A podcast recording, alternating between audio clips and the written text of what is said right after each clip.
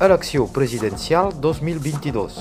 Sociologia d'un escrutini amb en Gauthier Sabrià. Ja està, hem entrat a la recta final d'aquesta campanya electoral i aquest cap de setmana tindrà lloc la primera volta de la presidencial. A pocs dies de l'escrutini, Gauthier, has decidit d'anunciar una mica de ciència-ficció o de socioficció? Ah, això mateix. El nou uh, és el nou, lema. ouais, és el nou concepte que hem creat. Une sorte de, de, de- de sursaut, de, de réveil, je sais pas comment dire ça.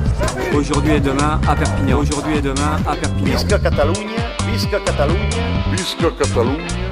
Donc si ouais, ha estat una campanya ben llarga i sobretot ben estranya, sense debats i sense la presència fins i tot del president candidat Macron en el debat públic, ja que s'ha la seva victòria des de bé, l'estiu passat. Els sondejos han canviat ben poc des de fa setmanes. Però bé, per molt que canviïn poc, se'ls comenta molt. Veieu per falta de material. Cal dir que en aquesta campanya tampoc s'han pas passat gran cosa. Qui podria citar una frase xoc d'aquest any? cap immunitat obriera o cap moi president. Però aquests punts o punts i mig són interessants, ja que poden la jerarquia entre els candidats. I sense dubte canviarà l'anàlisi de l'escrutini. La tercera place serà important per saber qui de Zemmour, Pécresse o Mélenchon serà la tercera força, ja que la primera i la segona semblen promeses a Macron i Le Pen des de fa molt temps. En fi, ens podem demanar si tot està fet ja. I és aquí on intentarem un bri d'anticipació. Primer de tot, eh, hi ha el cas Zemmour. És ell que haurà pujat més fort en els sondejos al llarg de la campanya. Però el perfil dels seus votants sembla poc fàcil a dibuixar. Fins i tot ens podem demanar si la seva ultrapresència mediàtica l'ha pas fet pujar en les enquestes.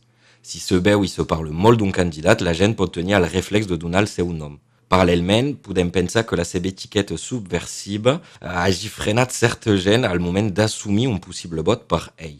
Però un cop aïllat en la seva cabina de votació, quants electors perdran la vergonya i el votaran? Personalment, crec que més gent del que ens pensem. Après, hi ha Mélenchon, que últimament gaudeix d'una dinàmica prou forta. És ell el nou líder de les esquerres. Però el problema dels votants d'esquerres és que sovint voten més aviat per un partit, per una tendència política. I de candidatures d'esquerres n'hi han cinc més. Torna aquí al nostre fil rouge, al famós vot útil. Quanta gent votarà per Mélenchon que sembla estar quasi bé a les portes de la segona volta? Veieu, és per això que el nou enemic en comú de Fabien Roussel, Yannick Jadot i Anne Hidalgo és el Mélenchon, per evitar que els seus electors s'escampin. Per això també veiem aparèixer en els mítings un nou concepte, el vot inútil, en oposició al vot útil per Mélenchon. Tocar la fibra sensible dels votants ecologistes, socialistes i comunistes per evitar que cedin a la tentació melanchonista. Ara bé, amb dues candidatures d'extrema dreta prou potenta, que l'enemic comú eh, de les candidatures d'esquerres moderats sigui un altre candidat d'esquerra fa una mica por. Ho tornem a dir, l'addició de les candidatures Le Pen-Zemmour representen uns 30% dels és a dir, més que totes les candidatures d'esquerres reunit. I què podríem dir, Gauthier, al nivell local? Què penses que podria passar? Sempre és un bri complicat eh, tenir una anàlisi local per un escrutini estatal. Per això caldria esperar els resultats i sobretot les legislatives d'aquell estiu. Benvinguts als nombrosos fidels habituats. Je vais commencer par vous parler de ce qui se passe en Catalogne. Je ne vais pas dire que c'est une question simple. hein. Il y a un coup de force que j'entends, que je vois des Catalans. Moi, je souhaite qu'il soit géré dans la paix. Perpignan la rayonnante, Perpignan la souriante.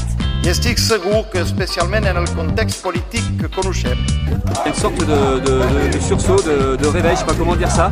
Aujourd'hui et demain à Perpignan. Aujourd'hui et demain à Perpignan. visca Catalunya, visca Catalunya. Visca Catalunya! Continuem amb la nostra lògica de ciència-ficció, però aquí ens inspirem més aviat de Retour vers le futur. Al 2017, hi havia dos colors dominant al mapa de Catalunya Nord per la primera volta, amb una fractura i una oposició franca.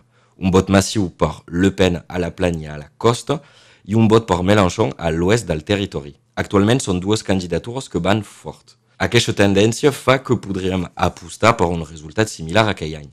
El problema és que, entre temps, ha aparegut Zemmour? Ell pot recuperar una part de l'electorat més radical de Valérie Pécresse i Marine Le Pen. però també podria motivar uns quants abstencionistes del 2017 a anar a votar aquell cop. Fins i tot, per l'electorat de Mélenchon, Zemmour podria representar una alternativa.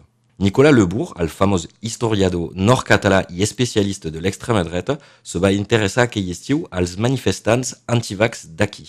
Al nivell polític apareixien dues tendències. Molts manifestants eren d'extrema dreta, però el partit per qui votaven més era la França Insumisa de Mélenchon. Zemmour, ell, va defensar públicament la gent sense vacuna, especialment quan Macron deia que l'emmerdava aquesta gent. De continuem amb Macron i els antivax. El mandat actual ha estat marcat per diversos moviments socials. Uns quants han tingut força a casa nostra. Podríem l'èxit local de les armies grogues.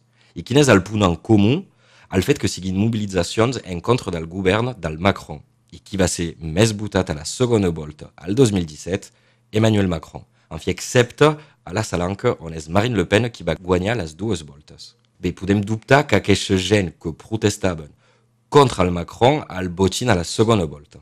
Sobretot quan veiem les mesures obertament antisocials que ha tingut el govern.